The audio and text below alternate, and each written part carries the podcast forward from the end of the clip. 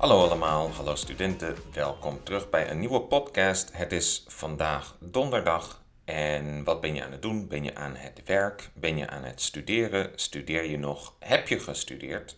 Als je studeert of gestudeerd hebt, dan heb je misschien ook een bijbaantje gehad. Net als ik. Eh, wat is een bijbaan of een bijbaantje? Dat is werk dat je doet om extra geld te verdienen. Maar het is niet datgene dat je het meeste doet.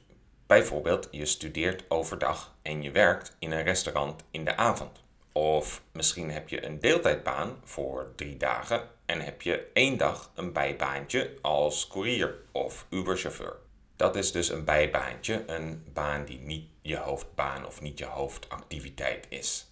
En hoe vind je een bijbaantje in Nederland? Eh, mensen vinden dit of door direct naar een bedrijf of restaurant toe te stappen en te vragen om werk. Maar een andere manier is om naar een uitzendbureau te gaan. Een voorbeeld van een uitzendbureau is Randstad, uh, Manpower. Er zijn veel uitzendbureaus. En wat doen deze bureaus? Deze vinden werk voor jou. Ze hebben vaak een lijst met, uh, met veel baantjes uh, waar ze mensen voor zoeken. En zeker op dit moment, want er zijn niet genoeg werknemers in Nederland. Dus er zijn veel bedrijven die op zoek zijn naar mensen die kunnen werken. En wat kun je dan verdienen? Nou, het minimumloon in Nederland eh, verschilt per leeftijd. Als je boven de 21 jaar bent, dan is het ongeveer 10 euro minimum. En per maand is dat voor fulltime werk ongeveer 1750 euro. Maar als je jonger bent, dan verschilt het. Voor iemand van 15 bijvoorbeeld is het uurtarief ongeveer 3 euro, het minimum. En met elk jaar wordt dit een beetje hoger. En ja, wat ik zeg, dit is het minimum, dus bij veel bedrijven krijg je meer. Zeker op dit moment, omdat er dus te weinig mensen zijn om te werken, dus dan willen bedrijven wel meer betalen als je voor ze komt werken.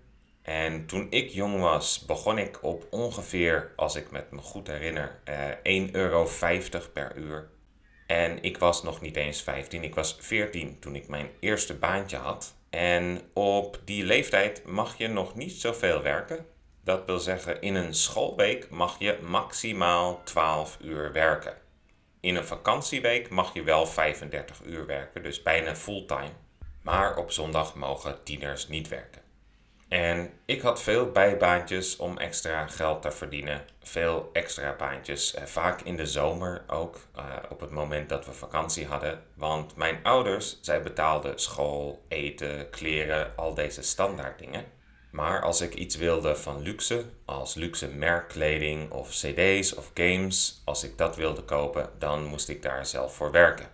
En mijn eerste bijbaantje was bij een postorderbedrijf en wat moest ik doen? Ik moest post op postcode selecteren. En er was één leuk ding aan dit bijbaantje.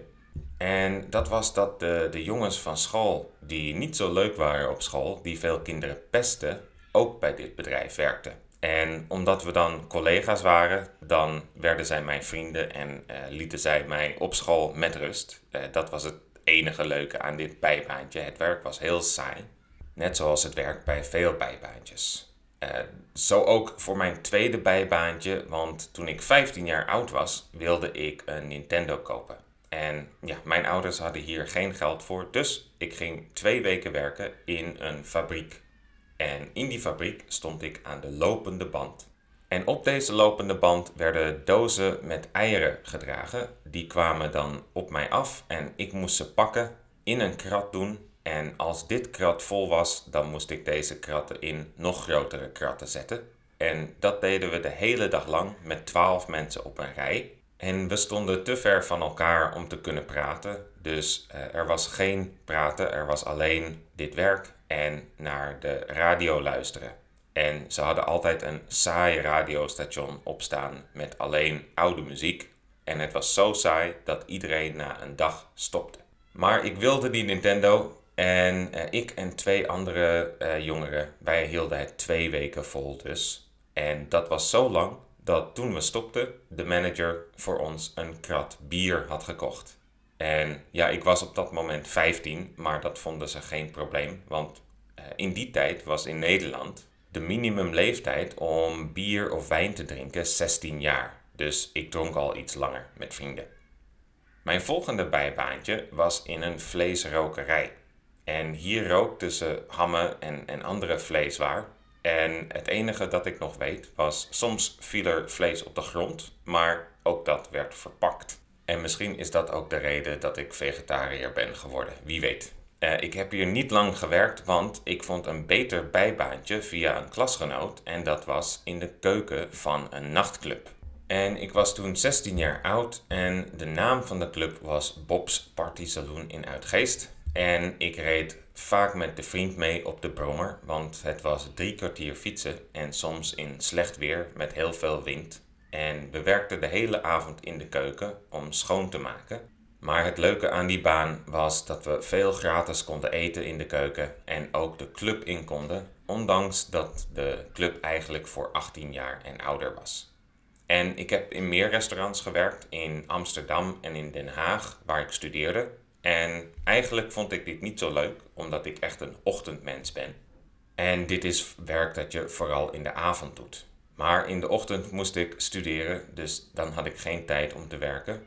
Maar wat wel leuk was in de restaurants was de sfeer. Ik heb er veel vrienden gemaakt. En het leukste restaurant was een Nederlands restaurant in Tokio.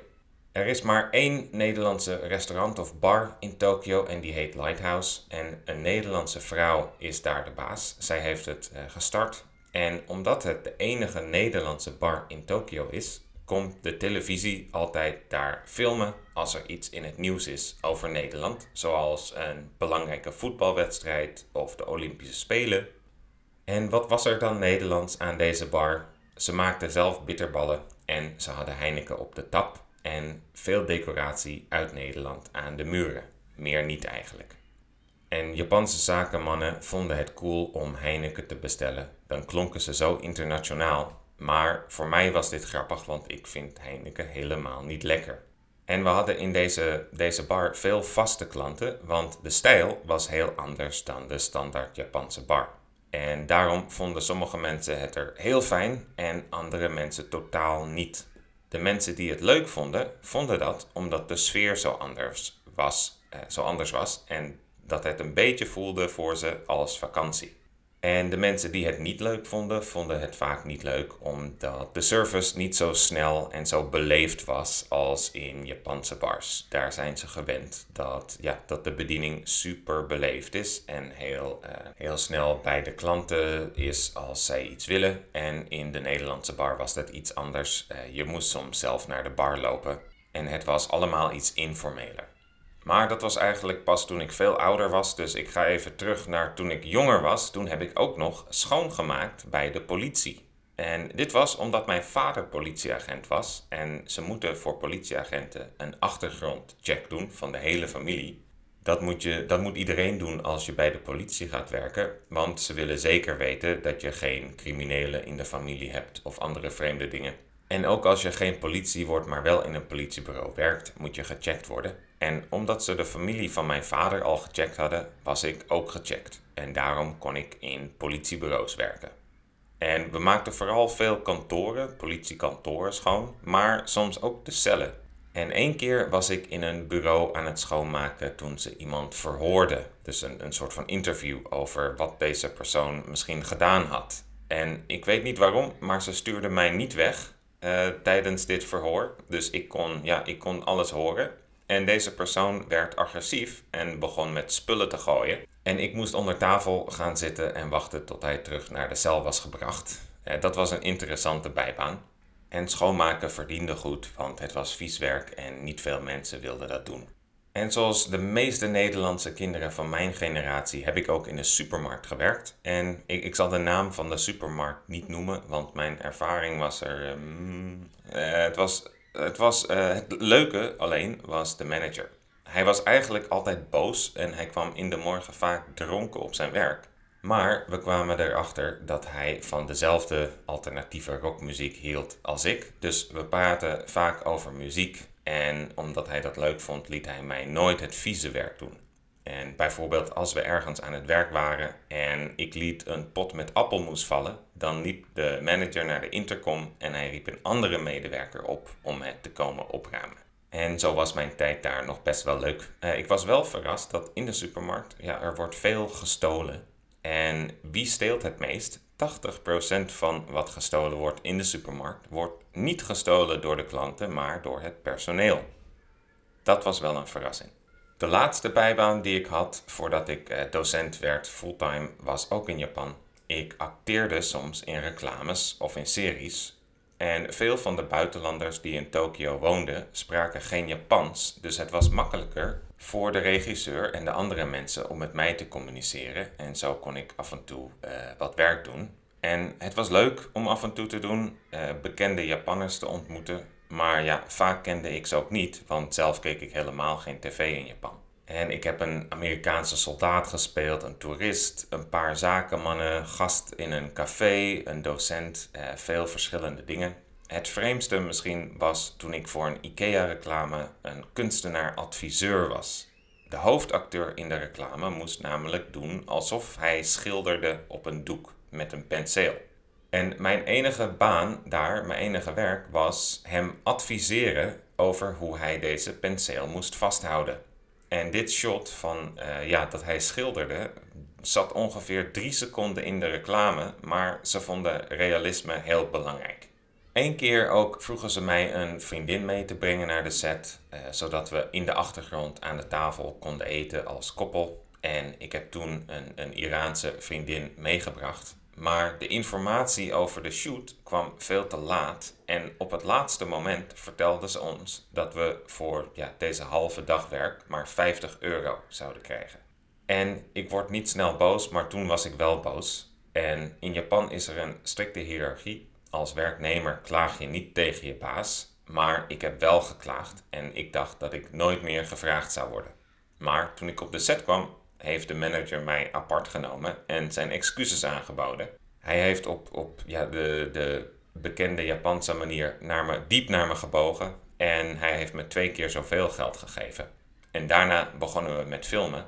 En ja, mijn rol was dus een man die uh, aan een tafel eet in een restaurant. En dit was echt een luxe diner met heel veel kreeft. En na dit luxe diner voelde ik me een beetje schuldig dat ik geklaagd had. Uh, maar ze vroegen me daarna weer om dingen te doen, dus uiteindelijk was dit geen probleem.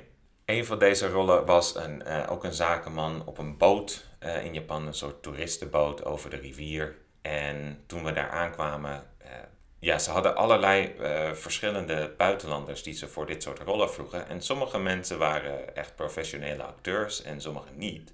En dit keer werd ik gekoppeld met een, een meisje uit de Filipijnen uh, zij heette Angel en ze had haar vriendje meegenomen. En de manager moest haar eerst uitleggen dat haar vriendje niet welkom was op de set. Dit, dit was werk, dit was, geen, dit was niet voor plezier.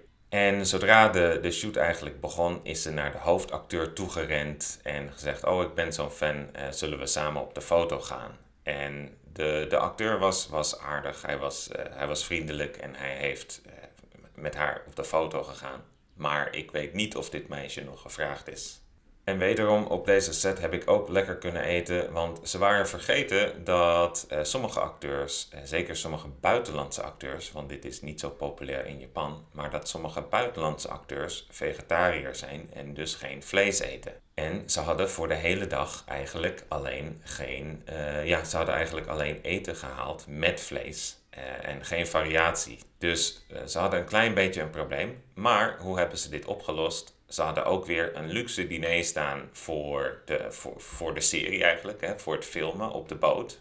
Want de scène die we opnamen was uh, ja, zakenmensen die een zakendiner hebben op deze, op deze ja, rondvaartboot. Dus hebben ze gezegd, ah, je, je kunt daarvan eten, dan, dan heb je geen honger. Dus uiteindelijk had ik, uh, had ik het beste eten van iedereen. Dat was weer uh, een geluk. En soms is het dus goed als je een beetje moeilijk doet.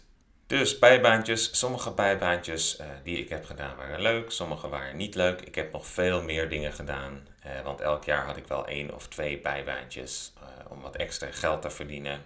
zou ik mijn kinderen, als ik die later heb, bijbaantjes laten doen? Ja en nee. Ik denk dat het belangrijk is dat kinderen tijd hebben om te studeren en te spelen, maar ik denk dat je ook veel kunt leren van werken, bijvoorbeeld verantwoordelijkheid en zelfstandigheid. Dus ik zou zeggen, Zolang het werk een beetje leuk is om te doen, ja. Maar laat je kinderen niet achter een lopende band staan met saaie radio op de hele dag lang.